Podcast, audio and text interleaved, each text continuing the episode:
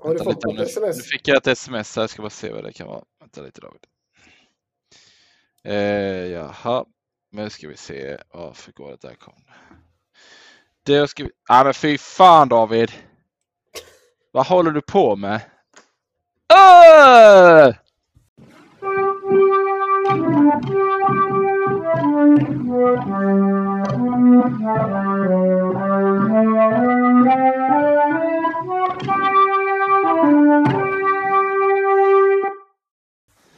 Kyckling med, som jag stoppat in en fisk i. Och så, så, så, så har fisken en cigarett i munnen. Åh, vad äckligt! Usch! Det var ju huvudrätten här inför På spåret. Då. Ah, Fy David! Det var det äckligaste jag har sett. Usch! Ja, jag måste... Fy vad... Nej, fy vad äckligt det var. Ja. Ja. Ja, Jag håller med dig. Det, det, det är en vidrig bild alltså. Och varför skickar jag inte det? Ja, det kan man ju fan fråga sig. Jag tänkte du kunde behöva piggas upp här innan du, lät du, du hade lite låg energi. Så det, Ja, det, men detta var det, detta var det vidrigaste jag någonsin har sett. Jag vill lite, lite grann slå ifrån mig med att det är inte jag som har komponerat denna fisk utan det, det var när jag eh, spione- Facebook-spionerade på en, en person som jag funderade på att köpa en sak över Facebook Marketplace då. Och, eh, då fick jag ganska omgående upp den här bilden i hennes flöde och då kände jag bara nej, nej det, det blev nog inget köp av, av denna, denna person. Så att, det- men, Vad du eh, skulle köpa eh, för något då? Eh, nej, det var eh, faktiskt ett, ett, eh, VR-kit eh, som jag funderat på att köpa till Playstation. Virtual reality-hjälm där. Och så, och så kände jag bara att nej, Inte ha med den människan att göra David. nej. Usch vad äckligt det Jag, var. hade, inte- jag hade inte vågat dela liksom, hjälm då med som den här människan känner. Så att, nej, det blev, det blev inget eh, vidare kontakt där i den frågan. Alltså en kyckling som har stoppat ner fisk i. Och fiskens ansikte är så himla tydligt och så har fisken en cigg i munnen. Ja, Alltså David, du är, du, du är störd. Du störd som har sådana bilder i din telefon. Usch! Jag, jag, jag har faktiskt glömt att jag hade det. Jag kommer slänga den så småningom, jag tror. Men eh, vi, vi säger det. Och apropå, och apropå eventuellt vara störd och så vidare. Så vi, vi har ju gått rätt hårt åt Claes Elfsberg här under försäsongen och li- lite under denna säsongen utan att ta oss in till pudelns kärna och saker eh, att säga så har vi inte riktigt någon av oss haft full koll på vad det här har gällt med att vi har fått liksom in rapporter på att det skulle finnas anklagelser mot honom. Så du menar att det, det, det kan finnas anledning att lite grann gå till botten med, det, med den här Ja, Jag kände att vi har tassat runt ämnet och, eh, och också ja, eh, utan att och, och liksom eh, närma oss och säga vad vi menar, vad vi tror och så. Men det har ju varit lite som metoo-relaterade, dock ganska gamla anklagelser som, Just det. som har Så då, figurerat. då, och då har du grävt i detta, vad det är egentligen som Claes Elfsberg har gjort då som, är, som, Ja. som finns på Flashback då. Jag har i alla fall eh, besökt eh, Flashback och en tråd från 2006 som, som handlar om detta då. Och där, Intressant. Där, eh, där är då en Karl då eh, undrar, eh, ja, säger vad finns det egentligen på denna ganska, som man verkar då, korrekta man som man kan komma dragandes med. Och då kommer ju någon eh, dragandes med just att ja, men det, han skulle vara någon tv-man som har nämnts då i, i någon form av eh, skandalpress kring tafserier och sådär. På, ja, ja, att många på SVT skulle känna till det här och sen fanns det även ja, li, lite, lite grövre grejer vad han skulle vilja, gilla att göra liksom i, i, i sängen. Men sen var det också en annan grej som det handlade om att han skulle ha varit och besökt en eh, porrbutik eh, och intresserat sig av, av, av saker som var lite man säger olämpliga i den här butiken då. Men då svarade en annan på det här forumet att eh, ja men det stämmer för jag hade en kusin som hade en bror som kände en herde i Nepal som i sin tur sålde röka till Magnus Uggla vars dotter kände Christer Pettersson som hade sagt till Gert Fylking att han hade sett Robert Aschberg i hand i hand med Elfsberg just utanför den butiken. Och så smiley. Och sen så svarade de på det att tja, skvaller är väl skvaller. Just det. Så att det summerar väl lite grann mycket vad som sker på Flashback. Att skvaller är skvaller och jag kan känna lite så att blev han inte, föll han inte i metoo-hösten där 2017 och efter svallet där så, så har väl jag gissar att det blir allt det som har gjort att SVT har känt sig trygga i att ta in honom igen. Att har inte någon efter så här lång tid trätt fram. Så är det tillräckligt rent mjöl i påsen där får vi hellre, hellre fria än fälla dem. Ja, lite så med tanke på att det verkar vara ganska lång, lång tid sedan eventuellt då preskriberat också. Och kanske inte, men, men samtidigt, ja, jag vet inte det. Och jag kan också bli lite skeptisk till det som skedde med en del av de här karaktärerna. Alltså visst att Martin Timell, där fanns det väl, han blev till och med fälld och sådär, men att TV4 då väljer kategoriskt att ta bort allt han har gjort. Alltså hela hans gärning ska bort, bort, bort för något som då... Man kan också känna att det finns ett ansvar för de som jobbade med personerna under tiden att säga stopp då, liksom på något vis. Att, att det, blir så, det blir ganska så extremt när det hammaren faller sådär. Där verkar det som att det fanns eh, mycket skit ju. Men, och likadant då Kevin Spacey som eh, både du och jag gillade ju House of Cards väldigt mycket. Ja. Jag tror vi båda gillade den skådisen redan ja, innan House of Cards.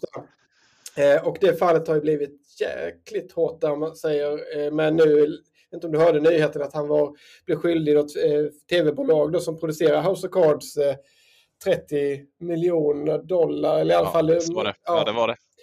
Ja, det, är sjukt, det, är jättemycket pengar. Så man, man, hade, man, om man klarar att hålla två tankar i huvudet, det vill säga gärningen å ena sidan och sen personens, liksom, personens eh, liksom för, för, vad ska man säga, förmåga och behov av att försörja sig, sätta mat på bordet.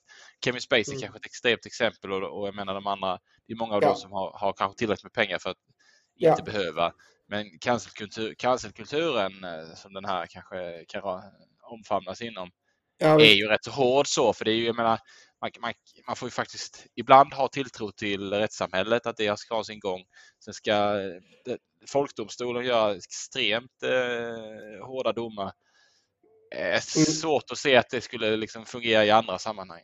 Men... Ja, nej, nej, och det, visst, det är ju mycket bra som har kommit med det som skedde med metoo-hösten. Det kan bara bli lite extremt. Det, där kan man känna att okej, okay, många i branschen då, men när det gäller Kevin Spacey har väl då jag vet inte, vetat att han varit ett as, men av någon anledning så har man inte tagit tag i det någon gång. Alltså det blir ganska speciellt när det efter så lång tid bara plötsligt då ska hela totalt allt summeras och eh, dåligt som den här personen har gjort. Och sen såg jag som en liten ljusglimt för hans nu när han behöver jobba av den här skulden som det verkar då på kanske 400 miljoner så hade han ju tydligen haft en filmroll, eller i alla fall hans första filmroll sedan eh, eh ja, så att säga han föll ner där 2017-2018. Det är en film som spelas in i somras i Aha. Italien. Då, så att någon har vågat ta i honom. Så får man väl se hur det går eh, framöver. Det, han, han har säkert så att, eh, att ta av så att säga. Så det kanske inte drabbar någon fattig direkt där ju. Men... Summa summarum, Claes Elfsberg har en... Eh, vi friar honom i, i, i den här På spåret-rättegången här som vad, vad gäller obskyra eh, ja. inköp på påbutiker och, och, liknande. Och så får vi väl se om framtiden eh, visar någonting annat.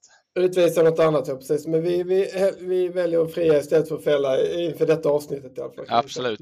Men du, det förde oss in på avsnittet och vi hade ett, eh, vad ska vi säga, ett eh, mycket underhållande avsnitt. Vi kommer väl tangera det flera gånger under, under, under vår podd här, men jag tyckte det var eh, årets bästa. Jag måste nog säga det, för jag tyckte det var Ja, ja, det var energi på ett helt annat sätt och det vi efterfrågade förra veckan eh, rullades ut på ett riktigt snyggt sätt denna vecka vad gäller, ja. vad gäller eh, deltagarna och alltihopa. Så. Sen eh, har jag fortfarande inte, kan inte fortfarande bli vän med Magdalena Forsbergs ja, hennes sätt och Claes Elfsberg går väl igenom silen denna gången men jag, Magdalena ja. Forsberg fastnar. Jag får återkomma till det här vad det lider.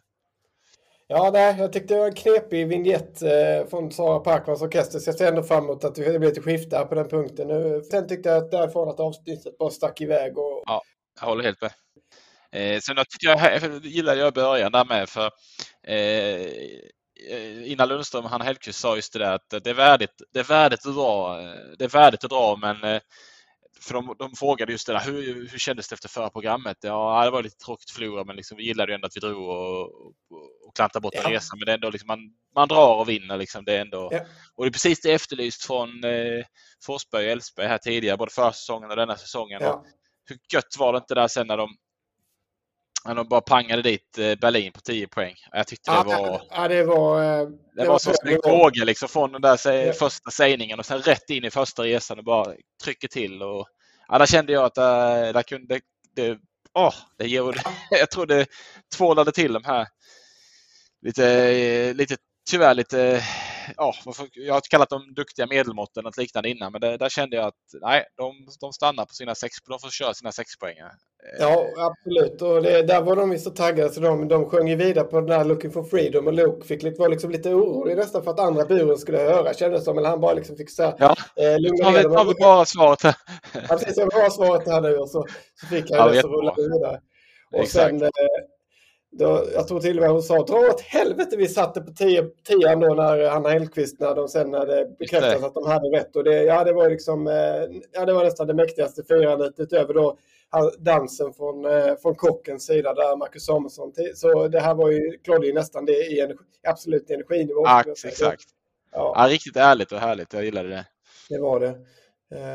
Men sen, Berlin då? Vi, det slog mig här innan, visst har vi, vi har inte varit i Berlin eh, tillsammans, men du och jag, vi startade en resa en gång tillsammans med några andra kompisar då, och så, och så var vi i London ett ja. par, tre dagar och sen åkte vi till Paris och var där några dagar och sen, sen och, delade vi på oss och du åkte till, eh, du och Anton där, din, din brorsa ja. åkte till eh, Normandie och sen åkte jag och Fredrik Jonas åkte hem tror jag, via, vi åkte sån buss hem via Berlin då, så då, då var vi, vi tre som eh, stannade kvar. Vi, det, vi var... det måste varit en omväg ändå alltså, men det så var Ja, det, det måste det ha varit. Jag kommer inte riktigt ihåg varför det blev så, men det, det är väl de här rutterna som, ja. som flyttar backpackers eller vad det nu är. Som, ja, ja, visst. Eh, så det, visst, det är ju rätt långt österut, eh, helt klart. Då, ja, det känns lite så, men då fick ni en eftermiddag där ni satt i någon ja, park? på något sätt sträckte vi väl på benen i Berlin några timmar innan vi, innan vi åkte hem då.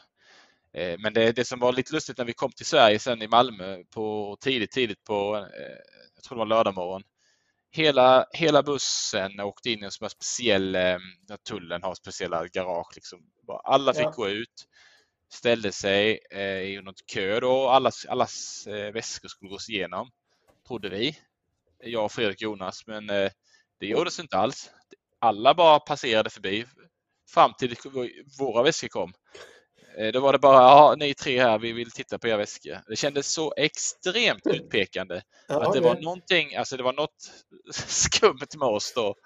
Så eh, på tal om rent mjöl i påsen, det var väl inget, ingen, eh, varken mig, Fredrik eller Jonas som ni, eh, ni klarade Ja, vi klarade oss fint gjorde vi genom den mm. tullen där, så det var inget snack om det. Men det, var, det kändes som att, ja, men vi, att de hade något, något tips eller något liknande och det var att de hade tagit fel på oss då eller något liknande. Det var så uppenbart att det var oss de var ute efter. Ja, men det är så tre, tre killar i, i så här 22-23 års åldern där som eh, blev, ja, just det. Som, ja, det, det, är klart att ja, till Berlin. Mm. stack ut lite. Ja, precis. Hade ja. ni varit på Bergheim kanske och på lite andra Nej, ställen? Ja, ja, exakt, det kunde vi ha varit. Jag läste mm. på lite om Bergheim här innan. Det lät ju... Att gå på klubb i, i gå på technoklubb i Berlin, det är ju någonting som jag vill göra någon gång men jag har inte ja. kommit dit än. Men... Nej precis, man borde ha gjort det. Men, ja. men har, har, har, inte du varit i Berlin, eller jag vet att du har varit i Berlin, har inte du varit på ett obskyrt ställe i Berlin? Eller något, något ganska jo, udda ställe jo, i alla fall? Visst, eh, det var väl då 06 eh, eh, när ja, jag och Fredrik flög ner till och landade på Tempelhof som väl var lite grann så här Hitlers eh, flygplats som låg ju inne i Berlin, numera stängd vad jag förstår. Och nu är det väl de utanför Teg, Tegel och ja, andra som gäller, som också nämndes här i inslaget. Och du, jag för övrigt gör en, en touchdown på var det på Tegel ni landade också där på vägen där, som vi nämnde här för några avsnitt. Ja, det var här, fast vi flög, vi flög över Tegel. Vi landade också ah, ja. på någon, någon eh, sån här militärflygplats utanför. Det var kanske den du nämnde, men, eller var det någon annan? Ja, visst. Ja, men nej, för i alla fall, eh, då var det Tempelhof som låg där mitt i stan och vi eh, tog sen ut till, ja det var ja, inte, inte så hemskt långt från Alexanderplatz, alltså Östberlin, där en, eh, en studiekompis från Lund och, och hennes kille eh, bodde i en jävla charmig Eh, som man tyckte då i alla fall. Nu kanske man tycker lite väl nedgången med så här 30-talslägenhet med för mig att det var ett kulhål kvar i fasaden ungefär. Att man inte riktigt hade ja. gjort, alltså sen, sen kriget som ju var så länge sedan. Men nej, sen hamnade vi en kväll i alla fall på ett ställe de menade att ah, vi måste fasen, vi måste ta med hit alltså. Och det var då en eh, eh, när vi kom fram då på, på gatan där så, ja det är här vi ska gå in och man såg liksom ingen ingång. Och då var det en, eh, en lucka i trottoaren så man, eh, man öppnade en metall, metalllucka, handtag ner in vid fasaden sådär så att jaha, och så fick man då verkligen böja sig och krypa in där och så kom man ner och så och då var det mycket riktigt så var det en slags eh, ja, nästan bunkerbar där vad man kallar det, någon slags eh, ja, källare där på hyreshus eller så. Och, eh, men där vi drack vår öl och, kanske drack och tog en Jägermeister eller så. Och det var ett jävla spa, ja, speciellt spartanskt ställe och vi, jag minns att på toan så var det liksom eh, någon sån upp och nervänd ölback. Man fick ställa sig upp för att nå upp till någon, eh, någon, liksom alldeles för högt monterad eh, herrpissoar. Och, och sen eh, kom det in en schäferhund och en kille i bomberjacka och jag minns det som att de två dansade ihop. Och, ja, det, det, det var liksom, ja, man kände just att ja, det här händer inte i Sverige liksom med brandskyddslagar och så. Och det, ja, ett jäkla märkligt ställe och man kände just det, ja fan tänk om någon skulle bara, jag vet inte, parkera en bil på den luckan och det började brinna så, nej. Det, men ändå, det är kul så här i efterhand för framförallt. Och även när vi var där då, man hade inte riktigt det säkerhetstänket heller i 22-årsåldern kanske. Men, eh, nej, men eh, lite mig lite att vi aldrig tog oss ända ut till så Berghain eller, eller så. Som är, ännu, mer, ännu mer kredit att kunna slänga sig med i efterhand. Att man, man har varit men, men, det eh, verkar ju... Eh, Berlin har väl, har väl varit en, en tillhåll för eh, alltså den typen av eh, klubbar har väl varit, eh, säga en, en, eh, eller blivit en, en, metropol i Europa. Nu kanske det är lite andra ställen som gäller, men det har väl varit ett, ett sånt tillhåll ganska ja. länge och jag, eh, jag, jag gillade ju en av de här, eh, det de sa på eh, Berlin eh, mm. avsnittet om man säger, eller den delen av, mm. av, programmet här, det var ju det här Rudolf Hess dansa ensam Spandau baletten. Ja jag tyckte det var, helt, det var det finaste jag någonsin har hört nästan. Alltså det var helt, det var helt galet. Alltså jag tyckte det var så jäkla många bottnar i det. Visst var det var väl någon form av graffiti på typ fängelset ja, där han satt? Visst var det Han satt ju ja, på Spandau och då ja. Och det var väl en gatukonst som jag tyckte alltså, det var helt magiskt. Det gillade jag. Helt otroligt. Ja, det, det här var precis. Där satte Fredrik Lindström lite guldkant på, på tillvaron för, för alla där. Det, han fick in det snyggt med, med, med anledning av något band väl som eh, hade hetat uppe Spandau tror jag. Ja, det, i alla fall det hängde ihop fint. Eh, och så ja, fick jag käka lite grann seitan där på det inslaget också då som ja. en eh, asiatisk eh, fejkskinka eller så. Men, Just det. så att det är, är kebab som man faktiskt verkade gilla. Så att, ja, ja. ja, det fint. Eh, och det, och det, det, kunde ju eh, Hanna Hellqvist eh, medan ja, det skildes. Ja. Det var några exempel på en, en poäng som skildes i programmet. Eh, ja. Som inte Elfsborg de satte då i detta fallet. Ja men det var det. Jag kände att där eh, bändade lite till deras, eh, ja så att säga P3-burens fördel där med, med lite de här klubbarna. Och det, du satte visserligen Magdalena Forsberg, det var ändå imponerad att hon satte mm. Berghain då. Och sen, men annars var det som man säger, kände att de var lite mer vegankompatibla så att säga i, i, i vänstra buren där dressinen. Och, och så, så det, det var lite bänt till deras fördel frågemässigt. Men, men visst, det, det ja, de utklassade dem hur som helst. Eh, eh ja, det är riktigt.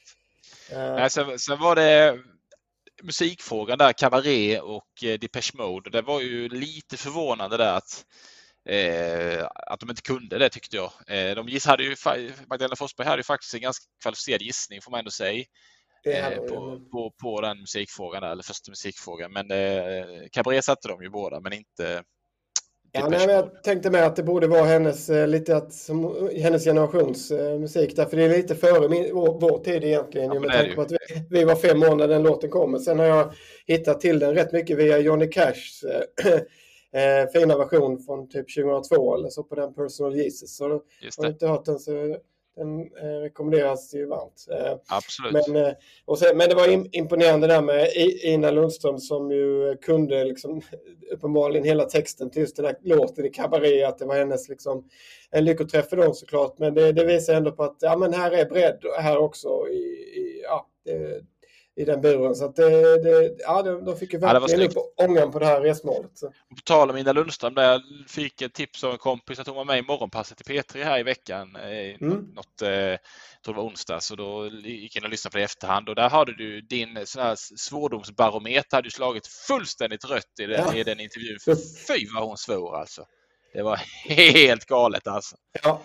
där fick, den... eh, fick nog producenten i På spåret, om de har hört det, klart, ja. nu är det ju eh, länge sedan då de spelade in detta, men att det, här, det måste ju de ha talat om innan, att det här, det här funkar inte, det här fredagsunderhållning, bred, bred familjeunderhållning, det funkar inte för det. Du, du tror hon blev coachad inför inspelningen? Alltså. Skojar du eller? Ja, Jag måste gå till logoped innan för att vänja sig av det här. Nej, men det var, jag fick upp ögonen för henne. Jag tyckte det var jätteintressant. Eh, jag tyckte så här, prata om Flashback kanske inte lät, lät faktiskt inte så Mm. Eh, det tilltalade mig inte jättemycket men när jag lyssnade på intervjun så tyckte jag att det, det var ju så mycket research så uppfatt, eller fattade det som att in, för att sätta ett ja. avsnitt Faktiskt. jättemycket läsning på trådarna för att kunna få ihop 20 minuters snack ja. om ett ämne. Eh, och det var ganska ja. sjuka grejer de pratade eller sjuka grejer de hittade. Det behöver inte vara så här störda grejer men liksom så här udda grejer. Liksom. Så det är jäkligt kul faktiskt. Så jag tror jag ska ge, podden ett avsnitt eller några, några provlyssningar i alla fall. Jag håller med. Jag, jag eh, hörde också intervjun eh, där och, och, det var ju som du säger, nej man blir snarare peppad på, på att lyssna för att det är ju uppenbarligen eh, som jag, jag kikade in nu i samband med researchen tidigare eh, bara på så här kändisskvallertråden till exempel. Och där är det ju, där är ju liksom rubriker som får en ibland att vilja klicka som Sven-Bertil Taube-tråden, vad kan det finnas där till exempel? Och, eh, ja, den stora skvallertråden om Anna Bok, det är väl kanske lite mer en trött tråd då, men eh, eh det var ju bland annat då, ja, eh, det här var väl ganska typiskt som kunde varit med i deras podd också. Sara Larssons eh, läckta nakenbilder, tankar? Frågetecken. Eh, den är ju lite så här svår. Men eh, vad vet vi om Karin Zackari Wahlström? eh, Greta Thunberg, klimataktivist. Eh, TV-profilen Ulrika Jonsson, 54, naken på Instagram. Och, ja, alltså där är ju eh, Ja, där, jag förstår att det är en bägare att ösa skvall om Reine Brynolfsson som vi har säkert seglat upp rejält efter nyårsdikten eh, var det väl som han läste ja, på, på, SVT. Va? Och så var jag med om förra på, för programmets eh, Kurt Haijby-affären. Eh, en kunglig affär var han ju en av huvudrollsinnehavarna i här under. Så vi pratade mycket om i förra avsnittet under den här jul juldramaserien där. Så där fick jag återigen upp ögonen för Reine Brynolfsson och ja, jag älskar honom så mycket. Men sen var det ju nyårsdikten som du sa också, så det är klart att han har fått ett, ett litet uppsving här under, under eh, helgerna. Ja. Men det gick eh, från, från Berlin till, till eh, en annan stad som var betydligt, vad ska vi kalla det, när jag åkte in på resmålet där till Havanna som det sedermera blev så kändes det, här, här är ju Afrika tänkte jag, det här är ju 100% Afrika. Men det var det inte utan det var ju Havanna och det är ju det ja, såg ju tyvärr fattigt ut. Jag tycker det är sorgligt att Havanna är så fattigt. Det, det är eh, De må vara fria och de må vara eh, allt. De, de, får köra vad de vill men alltså, de har ju det fattigt. Jag vet, om, jag ja. vet på folk som har varit där som har sagt att det, det, ja. är, det är ju ingen vidare levnadsstandard alltså. För jag stod och snackade eh, med en kollega i veckan bara precis som, om just, jag vet inte varför vi kom in på Kuba och Havanna, men hon har besökt eh, det på kanske slutet av 90-talet eller så med en kompis och tänkte att vi måste dra dit liksom innan Castro dör och då vet man inte vad som händer sen och man har hört så mycket om det och sådär. Eh, och hon hade väl själv kanske då för ja, när hon pluggade i Lund så var hon ganska, på 70, så här, 72 så var hon säkert ganska långt ut på vänsterkanten och så. Alltså hon, hon fick ju sina drömmar, det var ju liksom bjärt eh, kontrast till drömmarna och ett uppvaknande i det att eh, ja, folk verkar ha det så jäkla fattigt där och hon eh, hon mådde ju dåligt och det att här ska jag sitta och äta liksom bufféer på hotellen och, och, och äta fint på den finaste.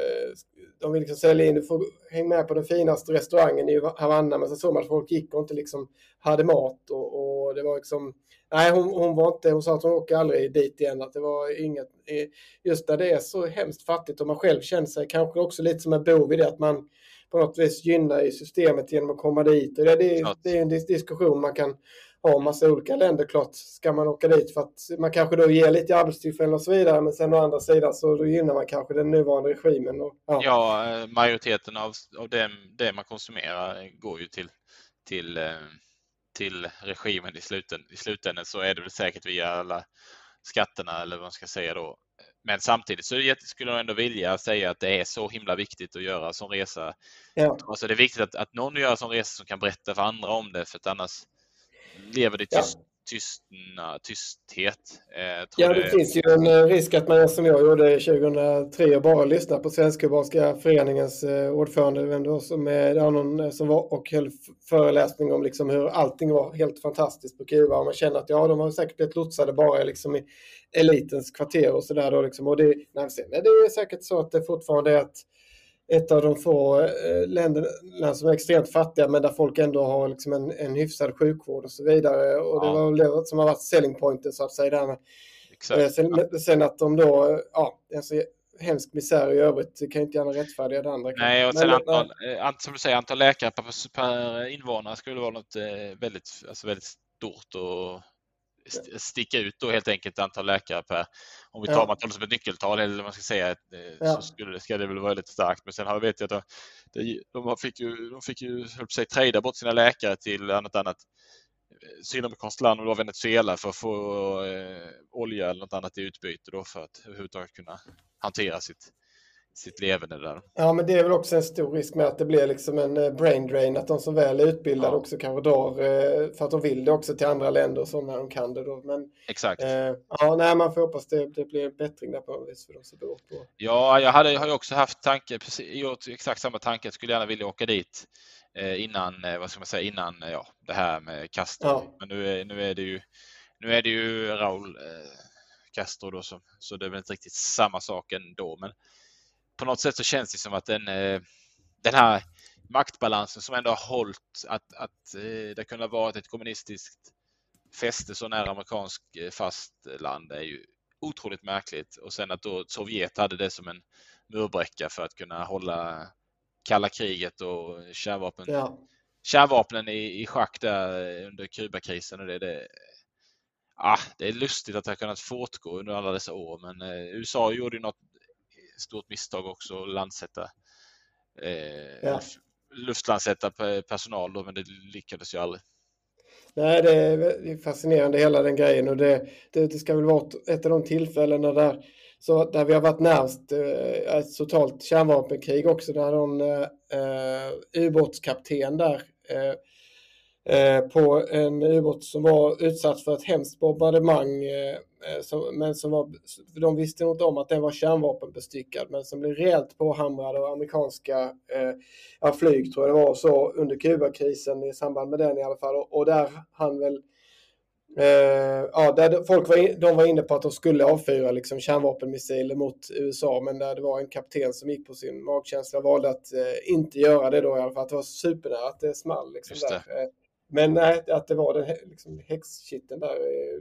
Ja, det är otroligt. Men annars på, eh, nej, på Kuba, eller det, alltså min eh, journalistiska bana den inledde jag på Norra Skåne och det var väl 20, ja, eller egentligen Smålänningen, men nej, jag var i en vända redan 07 eh, på Norra Skåne och det var ju faktiskt det år där den tidningen som först i världen gick ut och förklarade att Fidel Castro är död.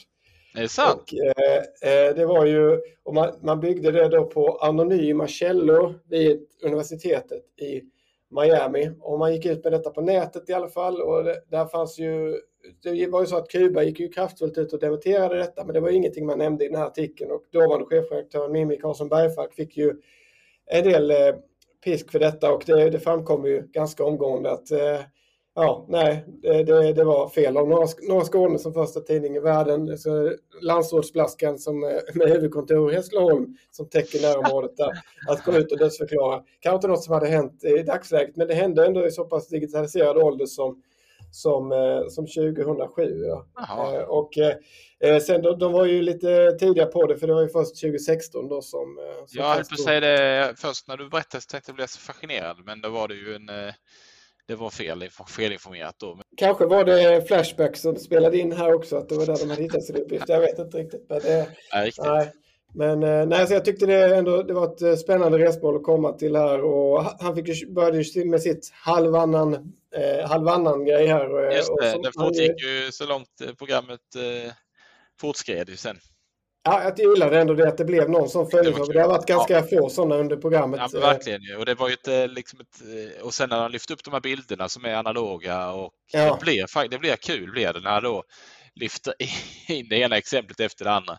Ja, ja skitbra. Jag tycker det är... och eh, när allt annat, eller mycket annat, liksom det här med momentet med kartan och så är ganska high tech och så, så är det lite kul att bryta av med det analoga och även ett, annan, ett annat analogt inslag som kom här var ju dansare i studion. Jag tror inte vi har haft eh, människor med varken eh, så bakom kulisserna som de körde en del förra säsongen där det var hantverkare eller ja, kanske, jo, kanske det har varit någon person i studion som har kommit in på det här viset i den här säsongen, men det är inte gott om det. Så, så Nej, men de hade ju eh, någon eh, sån här kiltklädd man som skulle ja, men det är sant, ja. det, Men det var nog förra säsongen tror jag. Mm. Eh, så, sådär. Men det, jag tyckte att det var roligt och Kristallok han lyfte ju fram sin vad jag tycker, liksom 90-talshumor där med att han, han benämner dem i bestämd artikel oftast. De här Välkomna in dansarna! Ja. Eh, så att, jag tycker det är ett Ja, där, där känner jag igen honom från 90-talets eh, ja. iro, ironifönster. Lite sen med Lok eller Nile City eller? Ja, eller den, den, den, den, generationen i alla fall. Ska säga. Ja. Det är toppen. Så, sen var det ju efter Havanna och detta så kom de in på det geografiska resmålet och där tyckte jag att ja men vadå, jag kan väl inte, äh, jag kan väl inte eh, lista ut vilken stad eh, bara för att det är en Eurovision-vinnare här då. Eller ja, det kunde jag ju så småningom. Baku då. Ja. Jag, tyckte, jag tyckte ledtråden var lite, lite i svåraste laget för det är inte det som är nyckeln tycker, tycker jag då i det här. Ja, nej, jag tyckte med det inledningsvis att det var lite väl hårt om man jämför med förra veckan när det var ganska uppenbart för många tror jag då att det var ett nyårsfirande i New York till nu. Ja, det stod ju Broadway till och med som, som ja, det gjorde det. Så, så, nu att det var ju lite grann av en flagga i bakgrunden men på, ett, på slutet precis. Men att skulle ha sett att det var, jag, jag hade också, jag hade alltså det sa på något vis, Baku kom fram eh, till mig där, men eh, det var ju samtidigt, eh, nej det var väldigt svår nivå. Sen blev det annars sedan en annan typ av gissning istället då. För det, eftersom det inkluderade flera moment och som han sa så kunde man ju ha gissat fel. Satt Kiev på väldigt märklig plats och då hamnade rätt ändå. Men, men, men, det var på gränsen till lite väl svårt. Ja, ja. ja det var det. Men jag, och det var ju här jag kände att nu, det, Ta nu ja. de detta så, så ja, då börjar det närma sig eh, då börjar det närma sig vinst för eh, Hanna Hellström-laget och det ja. kändes ju riktigt bra efter detta. Men sen blev det ju en riktig nagelbitare in på det sista resmålet, eh, utbrytarrepubliken. Ja, ja, och där, där tycker jag att Christian hetsade lite grann första klass ändå till att dra när han sa att alltså, nu, nu det gäller att vara taktisk här, det kan vara bra att dra tidigt och sådär. Ja. Och jag, vet, jag vet inte om de hade varit så kaxiga och vågat dra på tian som inte han hade. Samtidigt, de ska ju som eh, forna vinnare då kunna stå emot det också. Men eh, ja, jag kände ändå lite med dem där när de sen drog och det blev tyvärr helt fel. Eller ganska fel. Men hon var ju så säker där på Arvidsjaur och på via A4 då som hon sa, ja. regementet. Trodde hon väl var det. Men hon, det var väl lite eh, ja, vad ska man säga, nerverna där. De kände väl att de var tvungna och, och kanske de tänkte inte riktigt klart eller man ska säga då.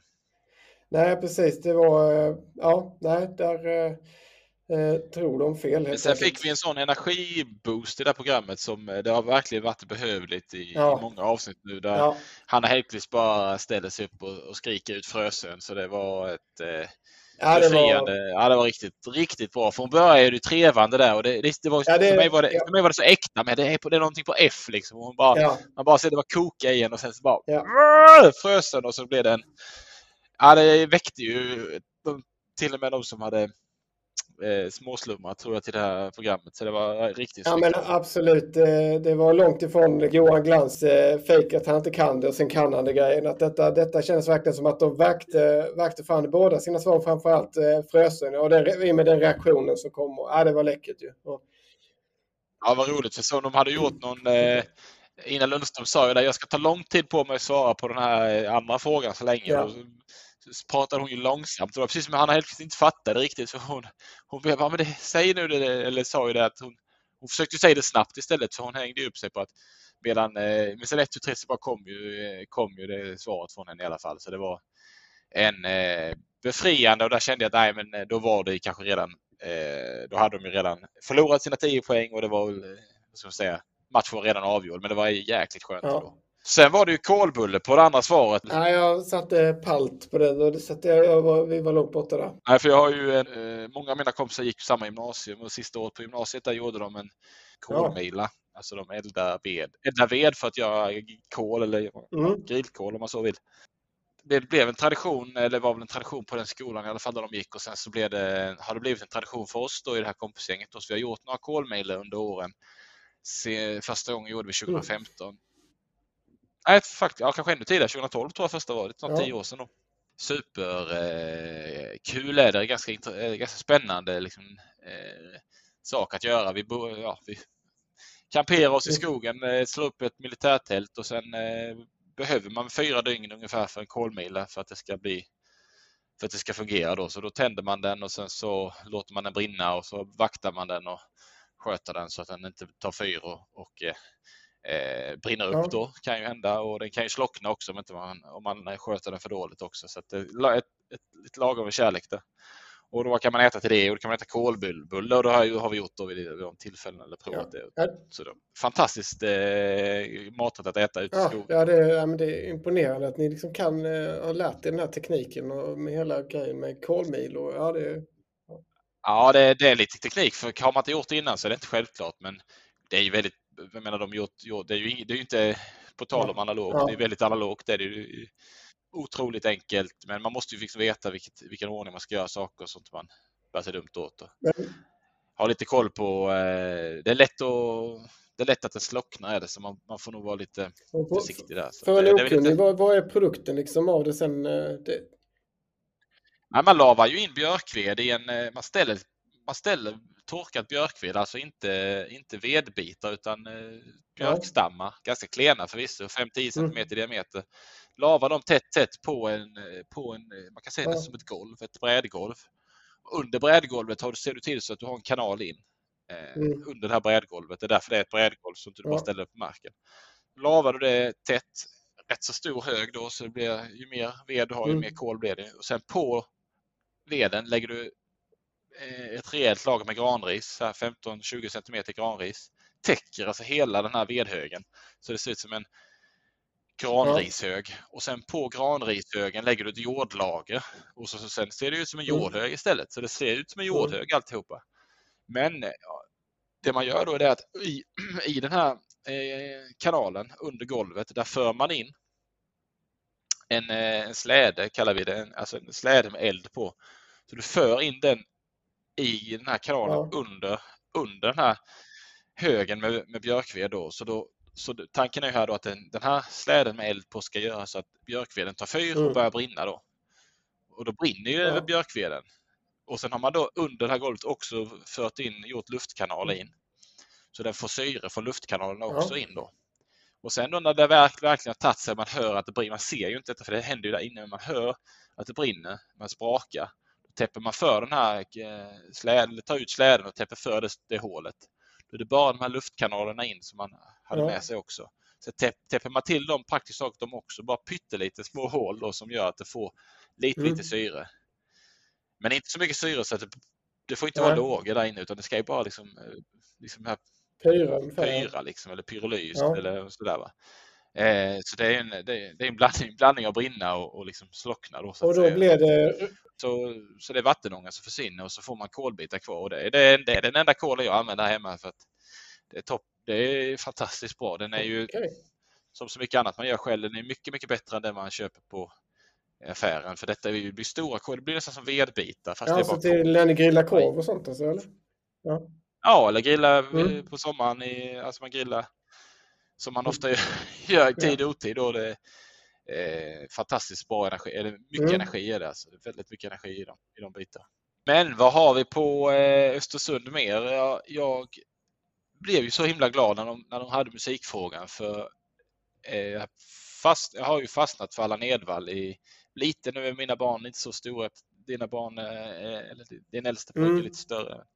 Så jag tänker ni kollat en del kanske på Astrid Lindgren så och det, jag läste, läste lite om just Allan Edwall då, som, var, som var en av eh, musikfrågans ja. svar. Att han var med på alla Astrid Lindgren-inspelningar mellan ja, 1972 till 1985 Oj. eller vad det var. Förutom, eh, förutom eh, eh, nej, det var Pippi tidigare tror jag. Eller ja, det var ju från Emil ja. då till Ronja Rövardotter förutom eh, Karlsson på taket tror jag, där var han inte med. Han var med i, ja det är ju, det är ju då Rasmus Emil och sen är han ju mm. Rasmus på luffen och det är ju Ronja mm. Rövardotter och det är ja. Madicken. Och jag tror det var någon till som jag inte kom på nu, men det var alltså flera stycken där och han gör ju det så han gör ju så vansinnigt bra. Jag kan inte komma på någon, barn, eller någon barnskådespelare, han är ja. mer så, men någon skådespelare som för mig är så eh, liksom genuin, är så genuin i sin roll och gör det. Så, nu tittar jag faktiskt lite på Ronny Rövardotter ja. här i, i jul nu. Och där spelar han ju den här ålderdomliga Skalleper, heter han. Så, eh, så ja. mäktigt. Häftigt att det fanns en sån ja. tillgång i de här filmerna. Absolut. Ja, nej, det är som du säger, det är ordet jag kommer att tänka på också, genuin liksom med honom. Det, man, man, man tror på honom bara, det är liksom inget snack om saken där. Sen var det kul att se Kim Andersson också mm. som eh, tredje frågan då. Skådespelare var fler, kom förbi någon gammal Rederiet-bild. Eh, och, och faktum var jag var sjuk här nu under, eh, som så många andra mm. varit under hösten. Och, eh, vi var något tillfälle där jag hade ett antal jag tror barnen var på, vi hade en barnpassning och eh, ja, de, så jag hade liksom i princip, jag hade väl nästan två mm. dygn hemma och var sjuk då.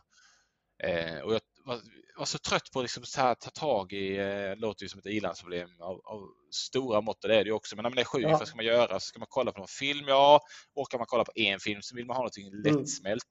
Vad är lättsmält på SVT Play öppet arkiv? Jo, 18 avsnitt av Rederiet är lättsmält. Så jag tittade på 18 avsnitt av Rederiet i sträck. Inte riktigt i sträck, men nästan i sträck. Och eh, när jag var sett, hade sett färdigt det så bara, eller sett färdigt, men liksom när den här tiden hade gått, det bara, vad har jag sett egentligen? Det har ju inte handlat om någonting. Det är helt meningslöst. Ja, jo, men jag kommer ihåg, du berättade lite om det innan i höstas, där, men det var, det var väl ändå så att det hade ändå någonting. Alltså jag har för mig att du var ganska, ändå lite fäst vid själva Reidar och liksom, eller? Ja. Ja, Reidar är ju fantastisk, men sen var det ju så här att till, till exempel då den här, vad ska vi säga, den här firman de mm. driver då, Dahléns.